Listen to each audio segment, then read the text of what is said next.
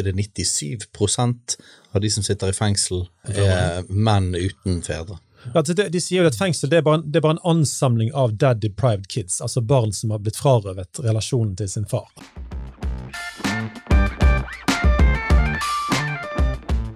Mannen reiser huset, og så kommer kvinnen inn, og så gjør hun det til, til et hjem. da.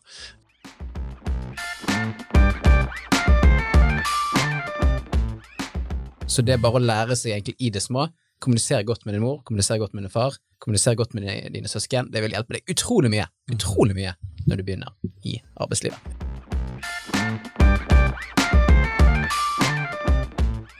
Eh, skal du utøve mot, eh, så, så er ikke det fravær av frykt, men å gjøre det du er redd for, selv om.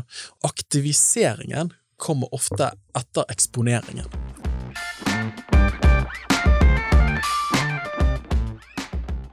Mens jeg tror nesten uansett hvor feministisk du måtte være, så tror jeg du har en lengsel etter en mann som tar ansvar. Vi snakker ikke om en sånn der undertrykkende, ond mann, men vi snakker en mann som er Du snakker jo bare om et sørens ekte skikkelig mannfolk. er skikkelig mannfolk som er trygg på seg sjøl, trygg på sin maskulinitet. Ja, jeg har sagt det før, jeg sier det igjen. Likestilling er jeg, er jeg for, men vi er ikke for den kjønnsnøytraliteten. Vi trenger at menn kan få være tro mot seg sjøl som menn, kvinner kan være tro mot seg sjøl som kvinner, og så møtes vi og blir dette helt sinnssykt fete teamet.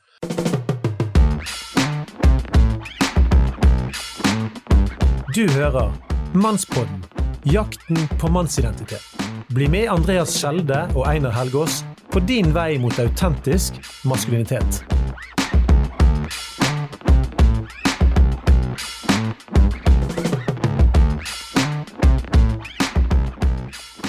Velkommen til Mannsboden, jakten på mannsidentitet. Du hører programleder Andreas Kjelde her, og mannsguide Einar, er du klar for Grill en mann? Let's go! La meg begynne med å si at jeg har hørt at eh, lærlinger i dag eh, er litt eh, annerledes enn lærlinger tidligere.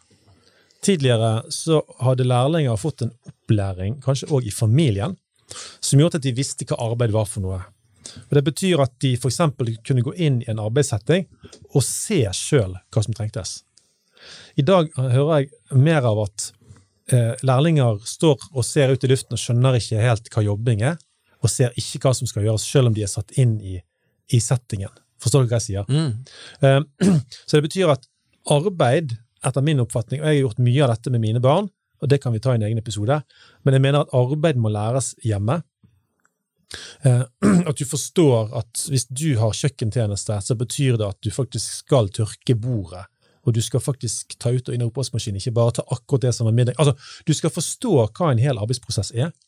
Så når du går inn i arbeidslivet, så tenker du jeg er her for å tjene, jeg er her for å jobbe, jeg skal fortjene den lønnen, og jeg, har, jeg, jeg ønsker å være en, en, en hel V-type som leverer varene hver dag. Hvis jeg er syk, så greit, men jeg skal levere varene. Jeg skal gjøre en god jobb. Og hvis jeg lurer på hva jeg skal gjøre, da går jeg og spør arbeidslederen, istedenfor å surre rundt min egen akse eh, og begynne å lage hull i gulvet. mens du, altså Det, det blir seende så rart ut for en mann som er din arbeidsleder og kan jobbe. Er det andre som vil si noe til det? Du, dette var et spennende spørsmål. Jeg, eh, jeg tenker Det første som slår meg, er nok eh, Nå eh, har jo jeg tilbrakt en del tid sammen med familien min i julen, og eh, da bemerker min mor ganske fort at dere er jo veldig flinke med å være aktive med barna deres, men dere tilrettelegger veldig mye for dem. Mens når dere var små, så lekte dere mer på eget initiativ, og vi gjorde noe annet, eller vi holdt på med husrutiner. da. Eh, og, og, og, sant, og når hun var yngre, hun pleier å si ja, når vi var små, sant, det er jo alltid interessant når mødre begynner å si det, var det egentlig sånn, liksom, eller blir det litt på avstand? Men anyway, eh, så hadde nok man mer ansvar før, mens man snakker om helikopterforeldre. sant? Altså, vi farter jo rundt for å hjelpe dem med alle ting. da. Nå har jeg to små barn, en på fire og en på snart to, eller snart eh, fire og snart to, Eh, så jeg skal ikke uttale meg om den største pondusen, eh, men det har nok òg skjedd I pedagogikken snakker man at man har gått fra liksom kultursentrert pedagogikk til at barnet skal passe inn i strukturene som er, liksom tavleundervisningen, dette er det du får, du må tilpasse deg, til en barnesentrert pedagogikk. da. At nå er det på barnas premisser, tilpasset opplæring er jo det store ordet. sant? Jeg tror at det har vært nødvendig til en viss grad. Samtidig så tror jeg kanskje pendelen har svingt for langt igjen. da.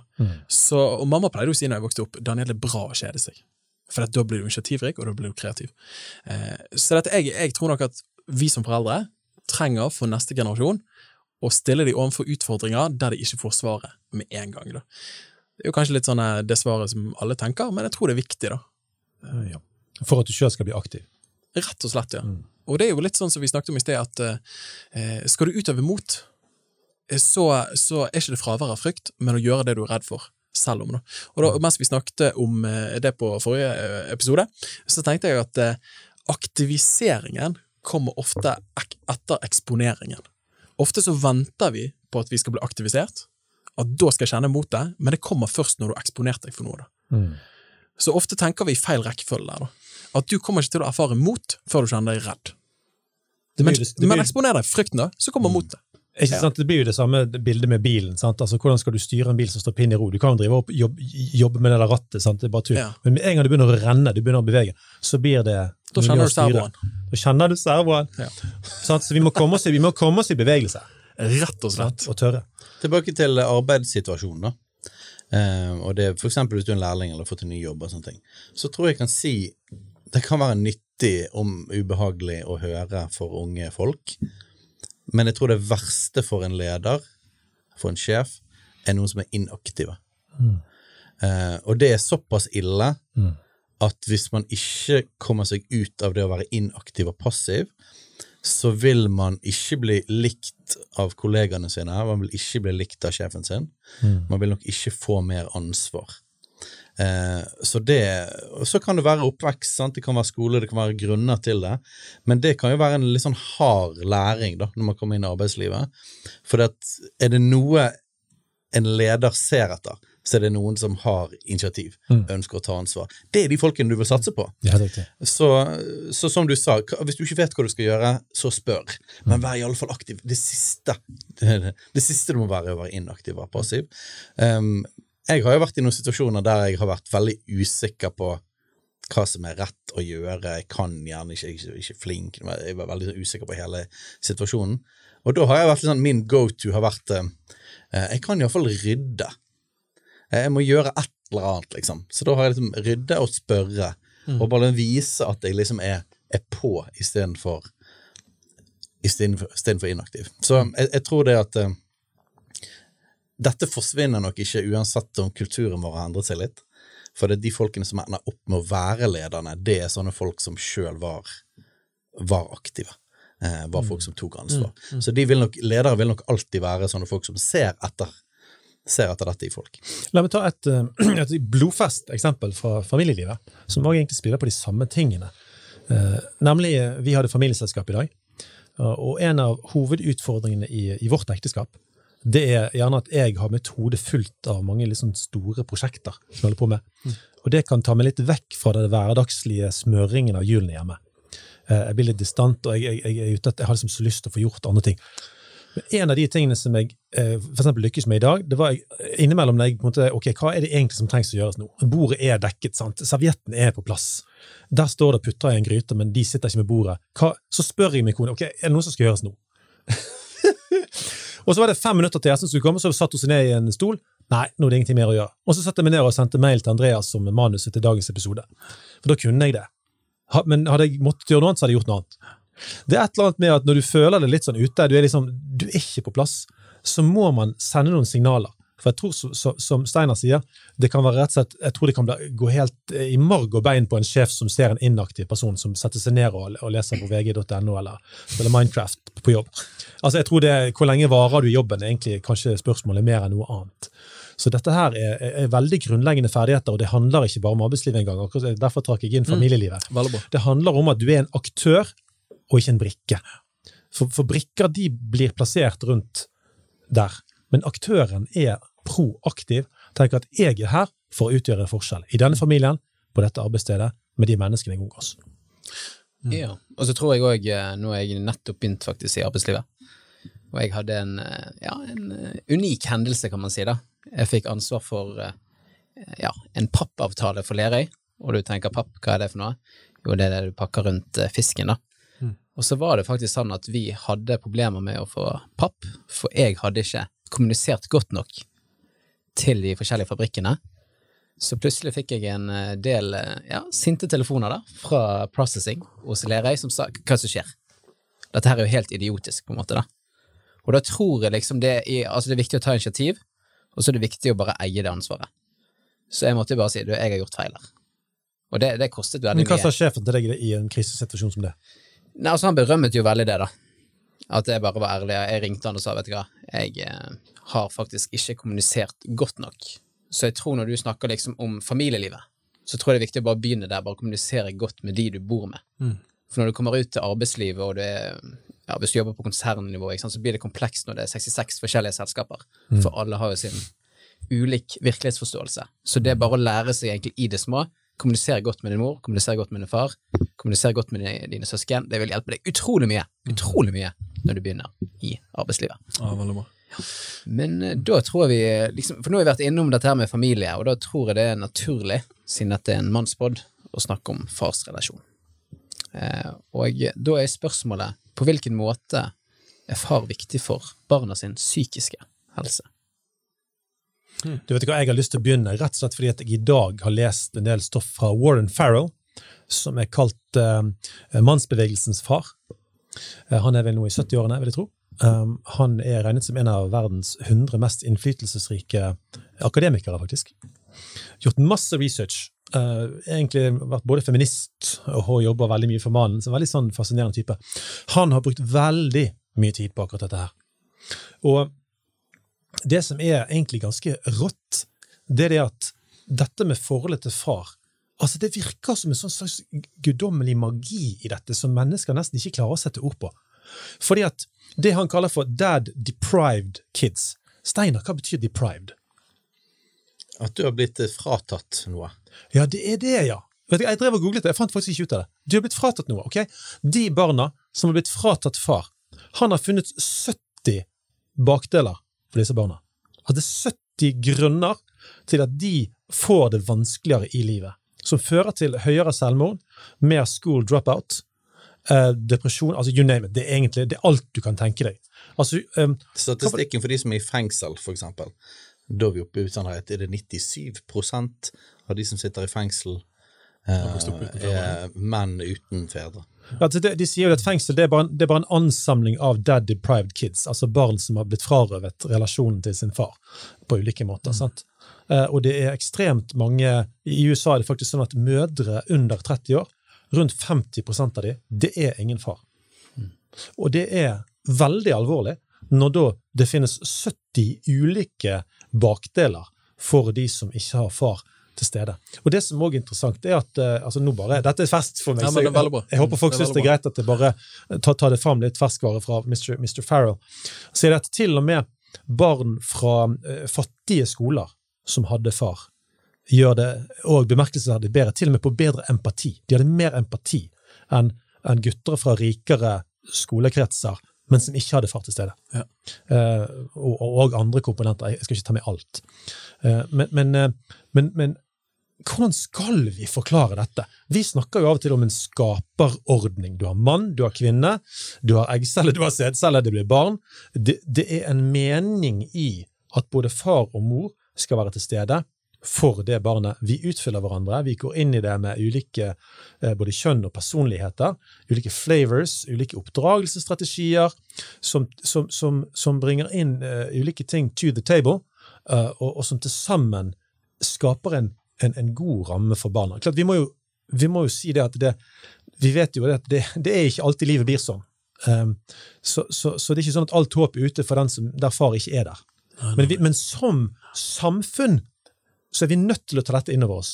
Og for eksempel Warren Farrell, han har kontaktet eh, på regjeringsnivå i USA, for han, såpass innflytelsesrik er han, og han har vært i møter med, med Biden-regjeringen, eller en, en eller annen department iallfall, og de var ikke villige til å høre på hans kjempegode råd til hvordan vi kan jeg, save America eh, i forhold til The Boy Crisis, som han beskriver i den siste boken sin, som selvfølgelig heter The Boy Crisis. Eh, men de er ikke villige til å ta inn en eneste en av hans kjempegode, gjennomtenkte, forskningsbaserte ideer for å redde gutta, fordi de er redd for at enslige mødre skal bli lei seg, eller altså De liksom ser for seg alle disse som da eh, litt sånn politisk landskap og, og det er ikke, vi, gutter skal vi på en måte ikke satse på. Men så ser jo han at vi kan, vi kan, vi kan, vi kan spare samfunnet for milliarder. Fengselsutgifter, i psykiatrien, you name it. eh, eh, hvis vi, hvis vi eh, tar vare på gutter. Og tar vi vare på gutter, sier han, da tar vi vare på jentene. Mm. Det sier seg sjøl. Altså, hvis du har en oppegående far i en familie, hva skjer for mor? Ja, men Da blir ikke mor den eneste i den familien som skal ta seg av og være, være den familiens sjelesørger og den som fikser klærne og fikser oppvasken og fikser alt. Da kan vi være et team rundt det. Men nå, eh, nå var det som å putte penger på meg her selv. Det er dere andre må dette brenner på innsiden her det er ingen tvil om. Det var veldig interessant å høre. Altså. Jeg, eh, noe som har fascinert meg den siste tiden, hvis vi skal plukke ting som fascinerer fra den siste tiden, eh, så er det dette begrepet teleologi som ligger veldig nært til teologi, som jeg er veldig glad i. Men det er gresk og betyr formål. Eh, Og det stammer tilbake fra Aristoteles, blant annet, i, gresk filosofi òg, at man tenkte at eh, den naturlige verden og materien hadde en nedlagt ordning i seg som man ikke kunne komme unna. og Man kaller det òg gjerne naturlig lov, natural law. Eh, og i teologien kaller man det for den moralske lov, gjerne. At dette er bare skaperordning. Sånn er det bare. Og så har vi beveget oss Nå skal ikke jeg ta et langt foredrag, men i idet darwinisme kommer og sier at, at vi er materie, vi er hellig seleksjon og evolusjon, da går man bort ifra at det finnes noe objektivt sant og riktig. Men da må vi konstruere det selv, og så får man mange filosofer eh, i kjølvannet av det, i opplysningstiden osv., som eh, tar det videre på et filosofisk plan. Eh, og jeg tror at vi eh, i stor grad støter borti disse skaperordningene som vi som samfunn ikke har lyst til å anerkjenne eksisterer, men vi betaler prisen for at vi fornekter det hele tiden, fordi vi sier at det finnes ingen ramme her, men vi kjører oss sjøl i rammene hele tiden. C.S. Lewis han hadde et sitat jeg kom over forleden. Han sa at eh, materialisten og den kristne eh, er dømt til, en av de, eh, to live in a way that doesn't fit the real universe. At akkurat som det finnes noe som er sant, og noe som er godt, noe som er rett, og noe som ikke er så bra, objektivt, om man liker det eller ikke, og du vil støte det borti det. Spørsmålet er om du vil leve i tråd med det eller ikke. da. Det var litt sånn rene ord for uh, penger, eh, men poenget der er jo at jeg tror er far viktig. Jeg tror ikke du kommer unna det. Det trengs en far og en mor til tango eh, for å få kids. Eh, jeg tror det finnes iboende mening som vi ikke kommer unna, uansett hvor lite politisk korrekt det måtte føles. Men si, altså, sant, dere to som fedre, Daniel, Steinar, hvis dere bare blir snappet ut av deres familie, hva tenker dere er det egentlig det som skjer? Når du da får dad deprived kids, nå snakker vi om Se for deg deres barn som dad deprived, de er frarøvet sin far. Hva, er det, hva scenario er det vi går inn i da? Ja, til og med før man går inn i det liksom, litt sånn juicy og ukorrekte, og det som krasjer litt mot dagens ideologi, så kan vi bare se på helt sånn der eh, obvious eh, familiesituasjon. Det krever to voksne å ta vare på barn. Det er rett og slett utrolig krevende. Det krever tid, det krever krefter, du må være til stede hele tiden. Hvis ikke du, hvis ikke du har det partnerskapet som gjør at du kan spille på hverandres styrker, eh, og man kan skjule hverandres svakheter, og at du har dobbelt så mye tid og kapasitet, så sliter man. Og eh, all ære til eh, alenemødre som har havnet i en vanskelig situasjon ofte, der de, der de eh, sliter med å få endene til å møtes økonomisk, i forhold til tiden og kapasiteten sin, og tar vare på en eller flere barn. Det er en utfattelig tøff ting, og jeg tror at alle alenemødre ville skrevet under på at eh, de gjerne skulle hatt hjelp av en annen. Og da er ikke vi liksom borti forskjellen på mann-kvinne og hva man spiller inn engang. Bare, bare det å være to. Um, vi må tørre å snakke om det. Vi, det trengs to foreldre til å ta vare på barn og en familie. Hvis ikke, så blir det rett og slett for lite krefter. Så jeg vil ta den første tingen, da, nok en gang, før man kommer til, til kjønn, til og med. Man blir utrolig sliten. Og når man blir sliten, så går evnen til å oppdra barna ned i kvalitet.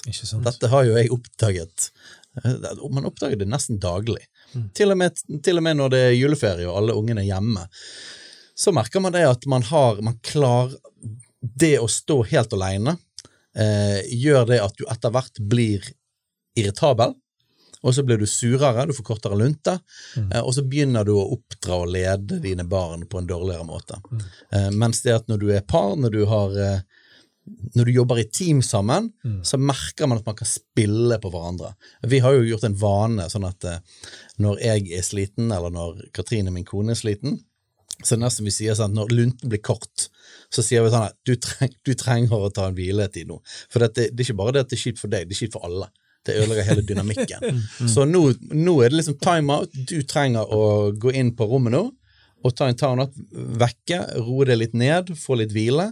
Og så tar jeg og holder greiene nå, og så skifter vi når, når det trengs. Så bare den pardynamikken i seg sjøl tror jeg har kjempemye å si i forhold til om barn får en god og trygg oppvekst. Og nok en gang, Da er ikke inne på forskjellen på mann og kvinne engang, men jeg tror jo at, at far og mor også bringer ganske forskjellige ting på banen i oppdragelsen. What a tango you described there, Steinar Lotnes. For å spille tilbake på det som Daniel sa. Wow. Noe av det mest krevende, før du slipper til Daniel, for jeg spurte deg også, noe av det mest krevende å høre på og se på, og det er ikke, for, det er ikke til forkleinelse for de damene, men særlig fra USA, med den økonomiske situasjonen som for mange er realitet. Eh, Det er mye fattigdom, sant? mer enn i Norge. Alenemoren som er dobbeltarbeidende, har barn hjemme som de knapt har tid til å se til engang. Fordi de må jobbe for å klare å betale mat og, og, og, og bolig. Men det er, jo, sant? det er jo så opplagt at det er ikke der vi vil være. Ikke sant? Men Daniel? Du, jeg er helt enig i det som har blitt sagt der. Ehm, men for å svare på spørsmålet hvordan mine barn hadde merket det hvis Ja, pappa ble borte Hvis du ble forsvant ut fra settingen. altså, For det første hadde det vært at min kone måtte stå oppe hver eneste morgen med dem. som Du begynner der, du. Ja, være, altså, det er det første jeg tenkte på. Rett og slett. Vi går på skift. Jeg husker når vi fikk eh, Anna til å begynne med, så tenkte vi vet du hva, vi skal ikke være så de foreldrene der den ene sover. Vi skal bare gripe hvert øyeblikk med vår lille Anna. Så vi sto opp sammen det første, første det var sikkert første halve året. Og så kom kid nummer to, og så tenkte jeg, den idealismen har møtt realismen. Eh, vi går på skift, da. Eh, så det er nok det første de hadde merket, da. Men jeg vet ikke om jeg har så veldig mye liksom, og, og, liksom På overflaten så er jo det ikke minst det å være to. Og jeg tenker Et ord som jeg elsker, er jo synergi. Men sant, akkurat som én pluss én blir tre når du får barn, så er det også sånn i samlivet at én pluss én man klarer så mye mer. da. At man spiller på hverandres styrker og kompenserer for hverandres svakheter. Eh, og det erfarer man daglig. Og så må vi jo nesten, siden det mannspodd, vi må jo touche innom faktisk forskjellen på mann og kvinne i oppdragelse òg. Så hele teamgreien jeg tror jeg, den ligger i bunn. da. Det er rett og slett bare kapasitet og hva som er mulig for en forelder å være en god forelder. Så trenger du minst to. Um, men så tror jeg at mann og kvinne er forskjellige. Og klart, her er det variasjoner innenfor kjønnene. Uh, og vi kunne tatt statistikk der. Her er jo uh, Vår venn Jordan Peterson kommer jo ofte med statistikken på at, uh, de fleste menn og kvinner er ganske like når det gjelder i personlighetstester i psykologien og sånne ting.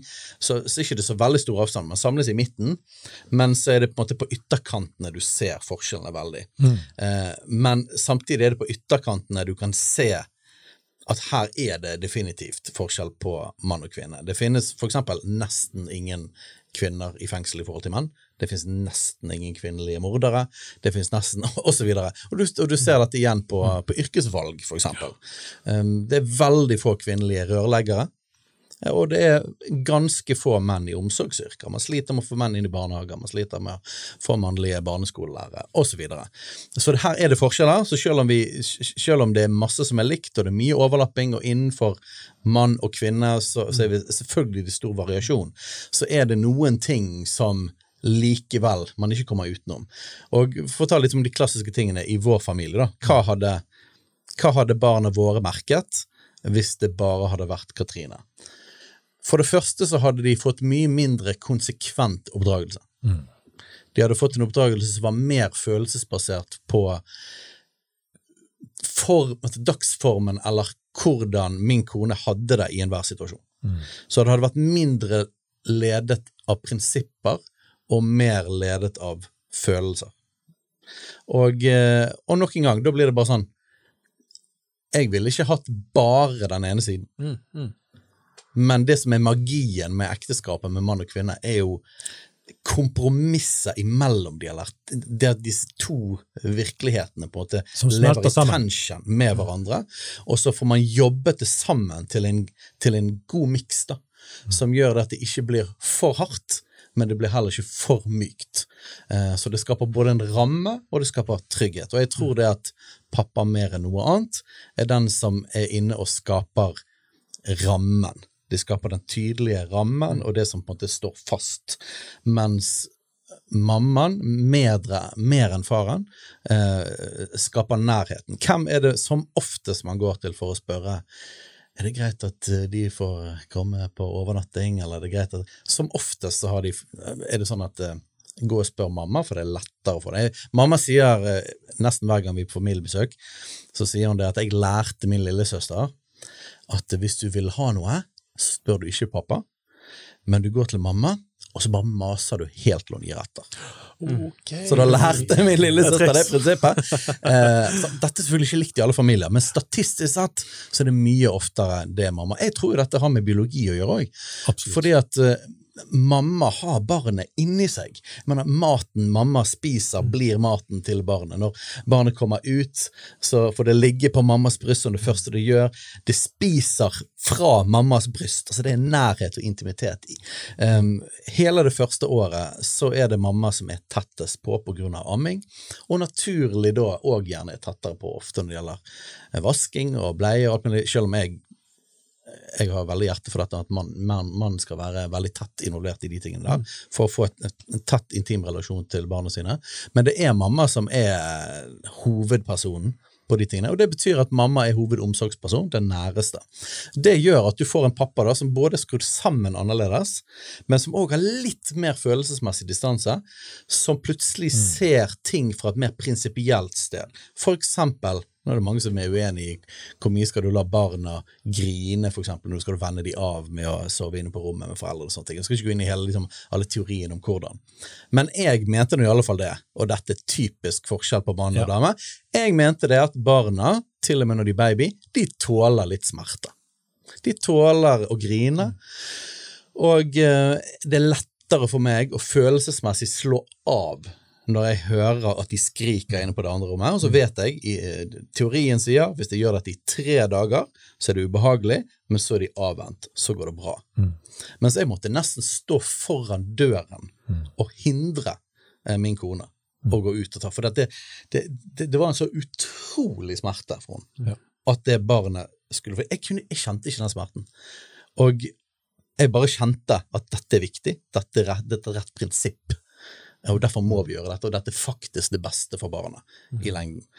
Um, så dette er jo liksom stereotypiske eksempler, men, men for meg så viser det noe av den her den næreste, og den som setter mer rammene eh, og prinsippene. Det du beskriver, Steinar, det er ganske likt sånn som det er hos oss. Igjen, Det betyr ikke at det er sånn hos alle andre, men, men, men noe av det, det klassiske mannlige og det klassiske feminine, hvordan det danser denne tangoen sammen i barneoppdragelsen, jeg tenker det rett og slett er utrolig vakkert. Eh, Og jeg har lyst til å slenge inn litt mer fra Farrell, eh, Warren Farrell. Eh, Fordi det han det han òg sier, det er det at utsatt behovstilfredsstillelse, det er et kjernekomponent i forhold til suksess i livet. Jeg har ikke har hørt det. Veldig bra.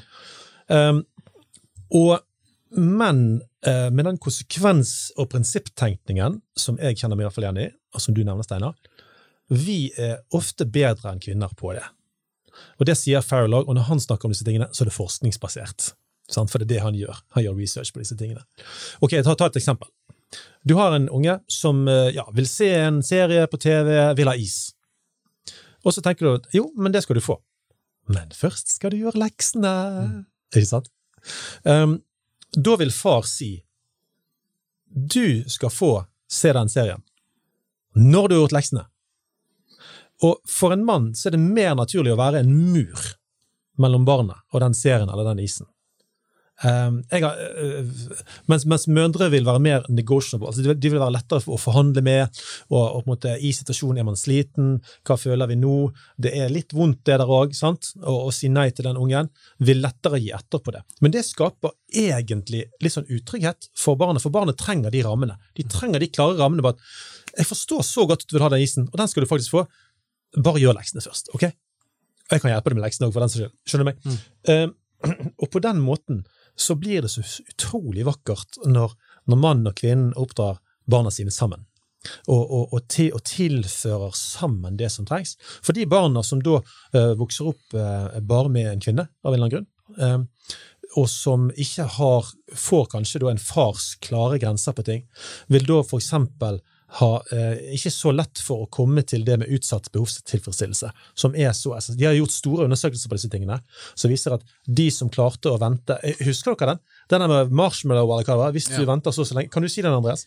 De hadde en sånn marshmallows-test, jeg tror det var i USA, og da var det sånn at de satte marshmallow på bordet, og så var ungene, jeg tror det var to, de var vel gjennomsnittlig to år da. Eh, og så gikk de ut, og så sa de at eh, hvis du venter to minutter, så skal du få to, da skal du få to til da. Eh, og så var det noen som selvfølgelig ikke klarte det, de begynte å spise med en gang. De, de, de fikk valget at de kunne ta én med en gang. Ja, de kunne ta en gang, men da fikk de ikke noe mer. Ja. Eh, så de måtte vente to minutter. Hvis du venter to minutter, så får du to marshmallows til da. Eh, og det forskerne gjorde, det var at de fulgte disse her barna da. Og det som skjedde, det var at de barna som ventet to minutter, gjorde det bedre på alle parameterne. Når vi snakker både om jobb, lønn, relasjoner og alle disse tingene der. Sånn eh, 30 år etterpå.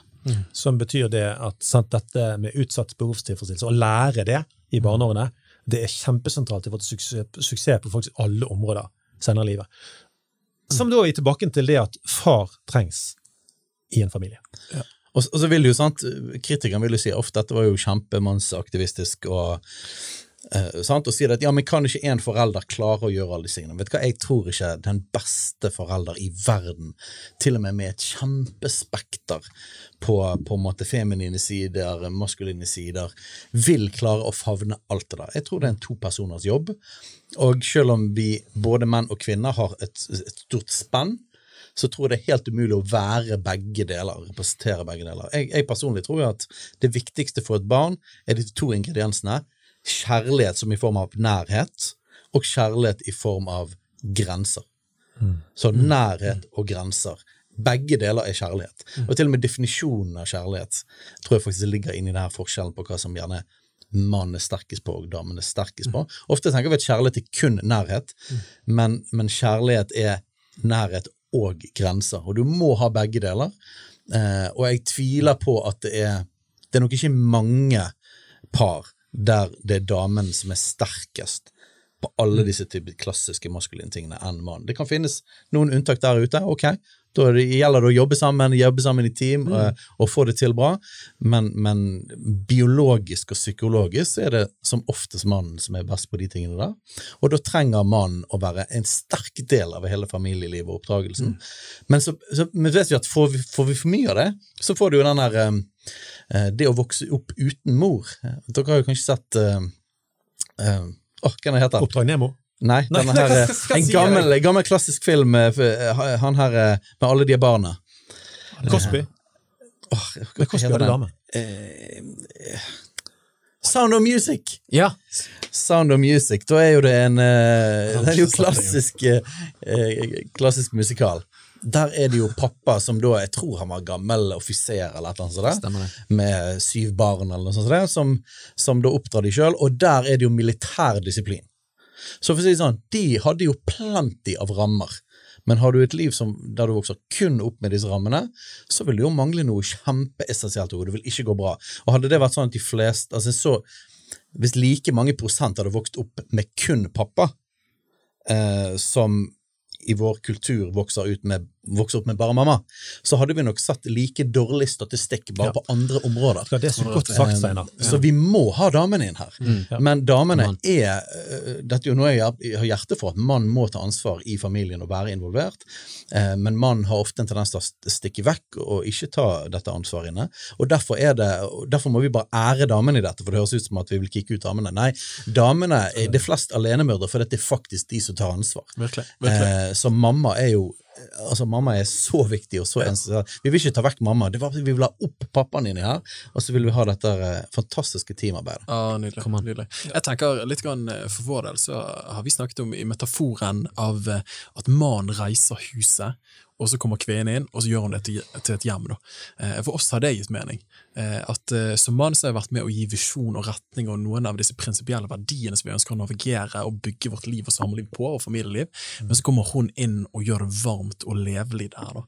Eh, Og mens Steiner snakker, du snakker jo om, om varme og tydelighet. Denne dikotomien, på en måte, eller en dialektikk som spiller på lag med hverandre. Eh, og tenk eh, En av de tingene som liksom prentet inn i oss når vi skulle være lærere, når vi studerte pedagogikk, var de hadde liksom dette kvadratet her, og så var det liksom, eh, som det er i alle gode modeller, hvis du bare får varmen, så blir du ettergivende lærer i klasserommet. Du er ikke klasselederen, men er du bare tydelig, så blir du den autoritære læreren, som ikke er så koselig. Men har du begge deler, så blir du autoritativ, og det ordet har jeg aldri hørt før. Jeg vet ikke om det er et ord engang. Det er det. Eh, det er et ord, men eh, da får du liksom den blandingen der. Eh, jeg syns det er knallbra. Kom an. Og jeg- tror dette her leder oss egentlig fint inn til eh, neste spørsmål. Vi har egentlig vært litt innom det. For det, det er jo mange familier som ønsker at de hadde en far. Men så er det sånn at eh, det er jo for så vidt ikke realiteten. Og eh, når det kommer da til den norske mannen 2021, hvor feiler vi i vårt ansvar når det kommer til det samfunnsmessige da, perspektivet på den norske mannen? Jeg tror det at jeg tror det at vi er blitt mye bedre til at pappa er involvert med barna. Man ser eksempel mye er flere eh, fedre som går med barnevogner, Mm. man har uh, farspermisjon og de tingene. Jeg tror faktisk der er vi mye flinkere enn vi var for noen generasjoner siden. Selvfølgelig nå er det jo det er noen visse samfunnsmessige forhold og hva folk jobber med og sånne ting som, som spiller mye inn. Um, men der tror jeg vi er gode. Utfordringen vi har, det er at jeg tror ikke vi har definert ordentlig papparollen i forhold til mammarollen, og at egentlig det, det eneste mann da blir, er ennå en mamma. Eh, så jeg tror at vi trenger å få Det er bra at mannen er mer involvert i barneoppdragelsen eh, og eh, nærheten i forhold til barna, men jeg tror vi trenger mer forståelse av forskjell på mann og kvinne, og det er jo der det blir kontroversielt. For det er når man snakker på en måte at, at mann representerer tydelighet og rammer og det prinsipielle og de tingene, så tror jeg at det er veldig mange som ville skreket i samfunnet vårt og sett at dette her var forferdelig patriarkalsk og undertrykkende. Men, men jeg tror det at vi, vi må Jeg tror mannen feiler i hermetegn eh, i den grad man prøver å være en mamma nummer to. Eh, og ikke ha en forståelse for sin rolle inni det. Jeg tror man kan være nær og kjærlig, og samtidig på en måte spille den rollen av tydelighet og rammene. Ja, for, kaste inn for eksempel det som, eh, igjen tilbake til Warden Farrell, da, som snakker om, eh, om hvor viktig det er. Det er til og med intellekt, at barn utvikler intellektet sitt bedre og sosiale ferdigheter med, å- med å lekeslåss med pappa. Å lære livsregler av lekeslåssing og kjenne på grenser. Når, hva er greit, hva er ikke greit, når blir det feil? Eh, og det at eh, pappa er tilgjengelig som en lekekamerat, men når han sier at du skal gjøre lekser, da er ikke pappa med på leking. Men, men hvis du gjør ferdig leksene, så kan vi slåss litt til. Sant? og så kommer han inn med noe som er, det er så distinkt, og det er, det er så rett og godt. da. Jeg tenker jo at uh, NRK kjører vel en serie akkurat nå der de på en måte setter lys på disse mennene. Hvor er den mannsgenerasjonen som endte opp i kjelleren nede hos moren sin og stiller, spiller Counter-Strike i, i en alder av 35? Uh, som for det første må si, det er jo sørgelig, og det er trist. Eh, og jeg tror jo at uh, som Winston Churchill, som sikkert flere av oss liker veldig godt, han sier at the price of greatness is responsibility. Uh, at, uh, at storhet kommer ved å ta ansvar, selv om det ikke er behagelig. Eh, så dette samfunnet vårt etterlyser mennene. Men hvis ikke vi kan snakke om ærlig om sånn som Steiner sier, hva er idealet da for å være en mann? For det må jo kunne artikuleres og konkretiseres. Hvis ikke så kanskje vi etterlyser noe. Så dette er akkurat som intuitivt for samfunn, så lengter vi etter mannen. Step up to the game, liksom. Men vi kan ikke være for konkrete med hva det innebærer. For da kan jo det komme litt skjevt ut. Ja, Da blir det, kan det bli de reaksjonene som Steinar snakket om i sted. Ikke sant? At hvem i huleste er dere som kommer her med noe sånne der patriarkalske eh, gufs fra fortiden? Men, men, men hvordan kan dette skje i 2021, som vi snakker om? Hvordan kan dette bli faktisk noe som er bærekraftig i 2021? Og dette er jo det store spørsmålet. Jeg tror jo at det er umulig å navigere dette farvannet her uten å risikere å kunne tråkke på noen tær. Og jeg tror at selv om de som sier at eh, da kommer man som et guss fra en fjern fortid, er likevel enig i diagnosen at vi trenger mennene på banen. Men hvis du da kjenner behovet, så må jo man òg være villig til å snakke om eh, medisin. Mm. Eh, og da er jo det store spørsmålet hvor kan man gå hen for å finne disse mannsidealene som vi kan navigere etter? Kjønnsnøytraliteten er jo det store problemet. da. Hvis du har en ideologi om at, om at kjønn er sosialt konstruert, altså det er på en måte, det er totalt flytende, det er bare vi som har skapt det, det har ikke noe med, med vår biologi, det har ikke med hvordan vi er i utgangspunktet som mennesker, um, så har du et problem med dette. Sant? Og, og tendensen, eh, nok en gang, julekalenderne på NRK. eh, modellerer jo hele tiden. Og vi kan ta Marvel, vi kan ta omtrent alt av Disney og Pixar som har vært de siste årene, så er det en tøff jente, eller en tøff dame. Og vet du hva, jeg liker tøffe damer. Men det er interessant at mennene er som oftest patetiske og svake. Damen er intelligent og sterk, og det vi ser da, er jo det at idealet blir at damen skal være både tøff, intelligent, sexy, nær, kjærlig. Han skal være alt sammen. Damen skal være alt, og så er mannen på en måte slags ingenting, og så er det sånn Dumme mann, hvor er du? Men, men det virker som at mann, damen skal ha hele rollen. Eh, jeg tror ikke det finnes noen damer som egentlig er happy. Uh, det vi egentlig har gjort, er å bare lage et totalt uoppnåelig ideal for alle kvinner. Mens jeg tror nesten uansett hvor feministisk du måtte være, så tror jeg du har en lengsel etter en mann som tar ansvar. Vi snakker ikke om en sånn der undertrykkende, ond mann, men vi snakker en mann som er Du snakker er, bare om et sørens ekte skikkelig mannfolk. skikkelig mannfolk som er trygg på seg sjøl, trygg på sin maskulinitet, er initiativrik, tar ansvar, er inne, er tydelig, men òg kan kommunisere, og òg være kjærlig. Kunne, kunne møte den andre, da, men ikke måtte bli en kvinnemann. Mm. Så, så det er nesten sånn at det er umulig å snakke om dette temaet uten å snakke om det forskjell på mann og kvinne. Ja, det er litt sånn interessant det du snakker om, eh, at de prøver å lage kvinner om til idealet, da. Eh, Nå var det en Joe Rogan, jeg glemmer alltid navnet, men det var en kvinnelig MMA-fighter, da. Oi. Og hun sa at hvis hun klarte å banke en mann, så var det ikke aktuelt å gå inn i en relasjon med han. Det var liksom så usexy. Så det bare vitner liksom om det du beskriver, da, Steinar. At eh, det er noe med at vi kan ikke Altså, vi kan ikke gjøre denne kvinnen om til supermann, misforstå meg rett. Altså, vi trenger begge kjønnene, og da trenger vi denne her balansen. balansen. Einar. Ja, jeg, er- jeg er litt satt ut, jeg, for jeg syns dette her er, jeg synes det er gode analyser. da. Jeg syns vi kommer inn på klingen av det. Og jeg tror vi trenger eh, Jeg tror vi trenger at vi ikke er ute etter å skubbe ned et eneste kjønn. Ingen menn skal skubbe ned kvinner, men ingen kvinner skal heller skubbe ned menn.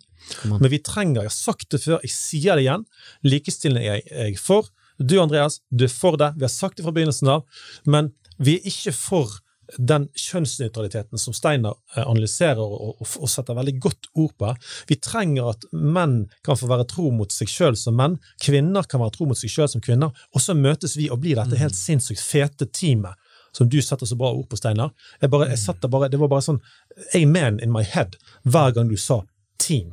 For det er det vi er skapt til å være. Og det er da det fungerer best. Og I tillegg så ser du på eh, Bare gå til Statistisk sentralbyrå og se på deres statistikker. Det, de barna som vokser opp med mor og far, eh, bare helt generelt, de gjør det bedre enn barn som ikke opplever det. Ja, ja. Og det, det er jo det er stappfullt av smerte bare å si det. Det er folk som hører på dette nå, som ikke har vokst opp med mor og far. Og jeg er ikke ute etter å skape sår hos noen med å si det. Men vi kaller oss sjøl samfunnsbyggere her i denne podden, og da må vi kunne snakke om disse tingene. For én ting er hvor vi er, men hvis vi skal skape et samfunn som er enda bedre for kvinner og menn, for barna våre, gutter og jenter, så må vi da vite hvor vi vil.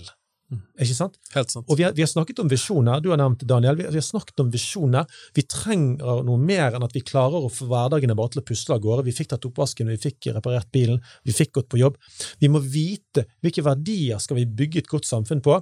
Hvordan skal vi bygge gode familier? Familier som helst har mann og kvinne til stede, så lenge, så lenge det går an å få det til. For det ligger noe helt sånn det ligger noe i bunnen her som er, som er en slags magi, som gjør at å, å, å gå aktivt for andre løsninger For eksempel er jeg skeptisk til det at det nå eh, liberaliseres, ikke bare i Norge, men i andre land, i forhold til at man, altså en kvinne kan få, få, få et barn uten en mann. ikke sant? A- Adopsjon. Og, og det er diverse løsninger her, liksom. Uh, og jeg, jeg, jeg sitter ikke her og har, veldig, har veldig lyst til å ta fra noen sjansen til å ha et barn, egentlig. Jeg, det er et stort privilegium som jeg forstår at veldig mange mennesker vil ha. Men biologien som ligger i bunnen, og hele ordningen rundt det, er jo at kommer det et barn, så er det hjelpe meg en eggcelle og en spermcelle som har koblet sammen. De kommer fra én mann og én kvinne. Og da tror jeg meningen er at de skal oppdra det barnet sammen. Og støtte, altså vi bare heier på alle damene som har tatt ansvar og faktisk oppdrar barna sine alene, og faktisk har gjort det de kan. Men jeg tror alle ville skrevet under på det at om de kunne fått hjelp så ville de hatt det. Eh, og så kan det være mange omstendigheter som gjør at ikke det har, har gått i orden. Men vi heier på, på disse enslige mødrene som har fått tatt ansvar. Eh, men det kan ikke være idealet for hvordan vi bygger samfunn. Og en, en kjempeoppmuntrende ting i statistikken, det er det at det står, ingenting om om det er dårlige mødre og fedre. Det er faktisk eh, bare en far og en mor. Mm. Punktum. Skaper kjempestor positiv forskjell. Jeg synes det er veldig oppmuntrende. Det er for så bra. Man kan gjøre så mye galt, men bare det tilstedeværelsen av de to komponentene eh, gjør så mye bra for barna. Du trenger ikke være en perfekt mor eller en perfekt far. Det er det du sier, egentlig, indirekte. Og det er veldig bra sagt. Eh, og det, det gir håp, da. Ikke sant? Dette her er ikke en, en, en skole for de, de flinkeste i klassen. Dette er for vanlige mennesker som elsker hverandre, og som elsker sine barn, og ønsker å gjøre noe for å skape et godt samfunn sammen. da. Jeg tror vi slutter eh, der, jeg. Det her er jo helt fantastisk. Ja, Vi har vært inne på veldig mye snacks her nå, synes jeg. Dette, her er, dette er godt stoff, altså. Helt inn i uh, identitet for seg sjøl, inn i familieliv, og inn i hvordan vi skal bygge samfunn. Jeg, jeg liker at vi beveger oss på litt store vidder her i dag, Andreas. Ja, Det blir ikke bedre enn dette. her. Da kommer det en liten reklame her for Mann 2022, som skal være 9. til 12. juni i Jotunheimen. Hvert år i juni inviterer laget til Mann i Jotunheimen, et arrangement som foregår fire dager eh, oppe i vilt terreng med fantastisk friluftsliv i hjertet av Norge. Vi har tre hovedord som vi fokuserer på, det er nemlig mot, tro, brorskap. Dette fokuserer vi på i undervisning og gruppesamtaler. Men Joar Helgaas, du har vært på Mann hvor mange år? Oi, uh, er det fire? Jeg tror det er fire. Hva er det første du tenker på når du hører eh, Mann, dette arrangementet som du har vært på? Ah, Det første jeg tenker på, er- eller da er det bild, liksom, indre bilde av liksom, de kuleste tingene vi gjorde da. Eh, da må jeg skyte inn eh, når vi besteg Skarstind. Det var et stort øyeblikk for meg. Norges femt høyeste topp, tror jeg det. Ah, da, da følte jeg meg virkelig som mann. Etter, ja, det, var, det var veldig skummelt i flere partier, hvor det var, ja, det var nokså sketchy. Eh, så det var en enormt stor seier for meg. Og så må jeg òg trekke inn når vi sto på miniski ned en isbre. Det var helt, det var helt vilt, rett På og slett. miniski nesten flere kilometer, tror jeg. Ja, det, det er kanskje fire-fem kilometer på, på miniski, så det, det anbefales. Men uh, ha med deg en som kjenner breer, sånn at du ikke faller gjennom. Det er faktisk en fordel. Men, men det hadde jo vi, da, så det, det var forsvarlig. Cirka. Men andre ting som, som er bra med Mann? Åh, eh, det er jo det eh, Det at du får med deg at du er der med masse andre menn, um, eller eh, potensielle gode menn òg, mellom 16 og 26 år, hvor du får uh, dype, gode samtaler rundt veldig god og praktisk og systematisk undervisning om forskjellige temaer som hva det vil si å være en mann, hva det vil si å følge Gud, hvordan være en disippel, uh, dating, uh, og så får du òg mye undervisning som måte du kommer til å trenge seinere i livet, sånn på en måte ekteskap og sånne ting òg. Men ja, det, Sånne gode byggesteiner i bunnen. ja, gode byggesteiner, vil jeg si. Simen, hva vil du si om Mann? Hva, hva er det du husker? Hva er det som sitter igjen? Det jeg husker aller best når jeg tenker på mann, er når vi gikk opp eh, Galdhøpiggen eh, og akte ned. Fy Det var det- crazy! Fy var søren! Helt sykt. Bare bærer opp denne akemadrassen, og så bare legge seg ned og bare renne i fem minutter uten stopp. Må du gå et lite stykke, og så gå og renne i flere minutter igjen. Ja, og, og, det sykeste var den ene, den ene bakken var jo, han var skikkelig bratt, og så var det jeg vil tippe det var sånn 200 høydemeter fra toppen til bunn. Det tror jeg definitivt. Det var helt mm.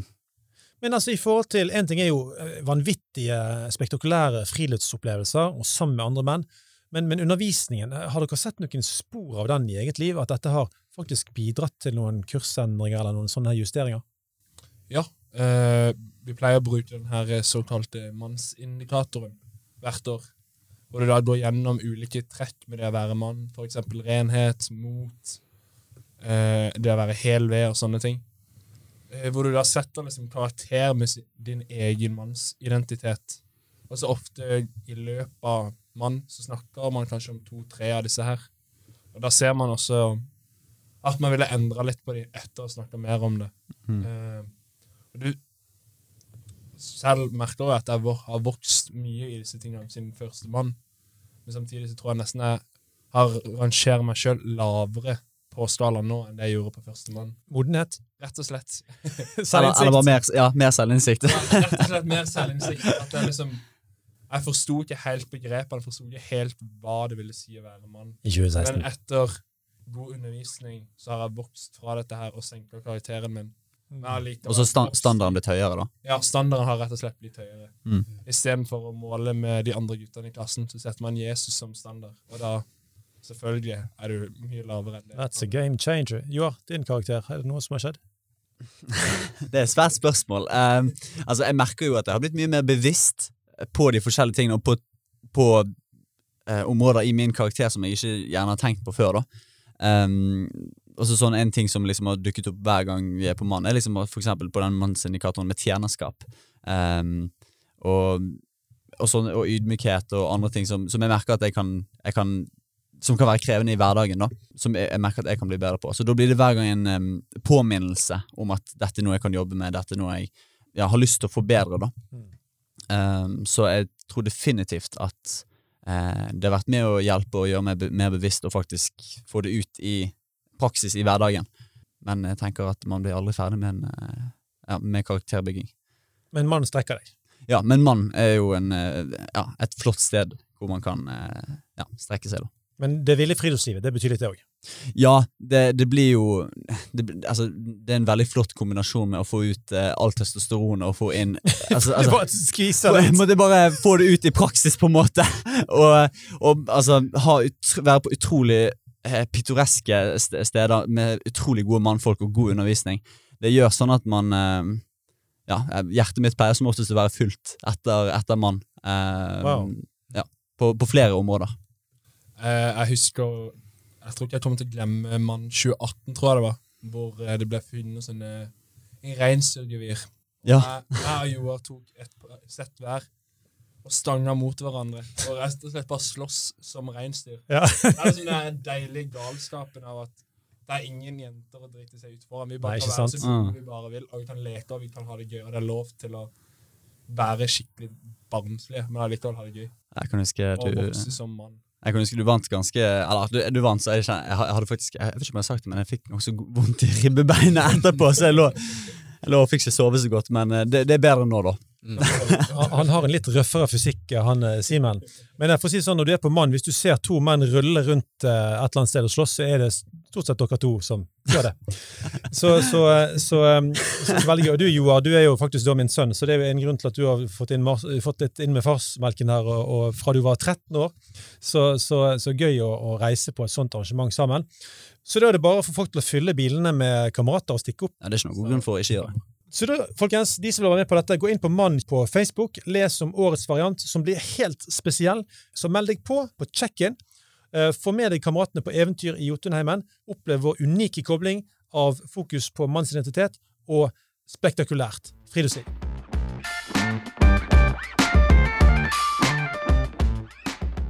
Yes, venner som hører på oss, vi eh, har lyst til å inspirere dere til å dele Mannspodden med fem menn som du tror at eh, vil kunne dykke ned i dette stoffet og ha glede av det i sitt eget liv.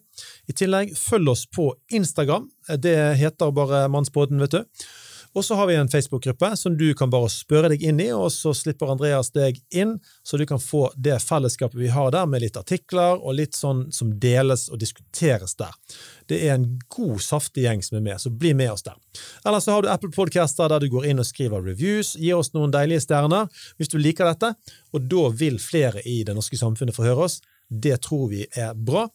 Ellers så er altså dette et samarbeid med omgud.nett, og vi takker for oss på usbekisk, og hold dere fast! Ksar Salamat Bolling! Hvem skal fri henne ut av tårnet? Ja, hvem skal stormen slå Mens du venter på neste episode, del gjerne Mannsbåten med fem andre menn, så de kan koble seg på jakten på mannsidentitet i en kjønnsnøytral tid. Hvis du ønsker å lære enda mer om denne tematikken, følg Mannsbåten på sosiale medier. Vi snakkes. Oh, oh, ja. Sha-la-la, sha-la-la-la-la-la.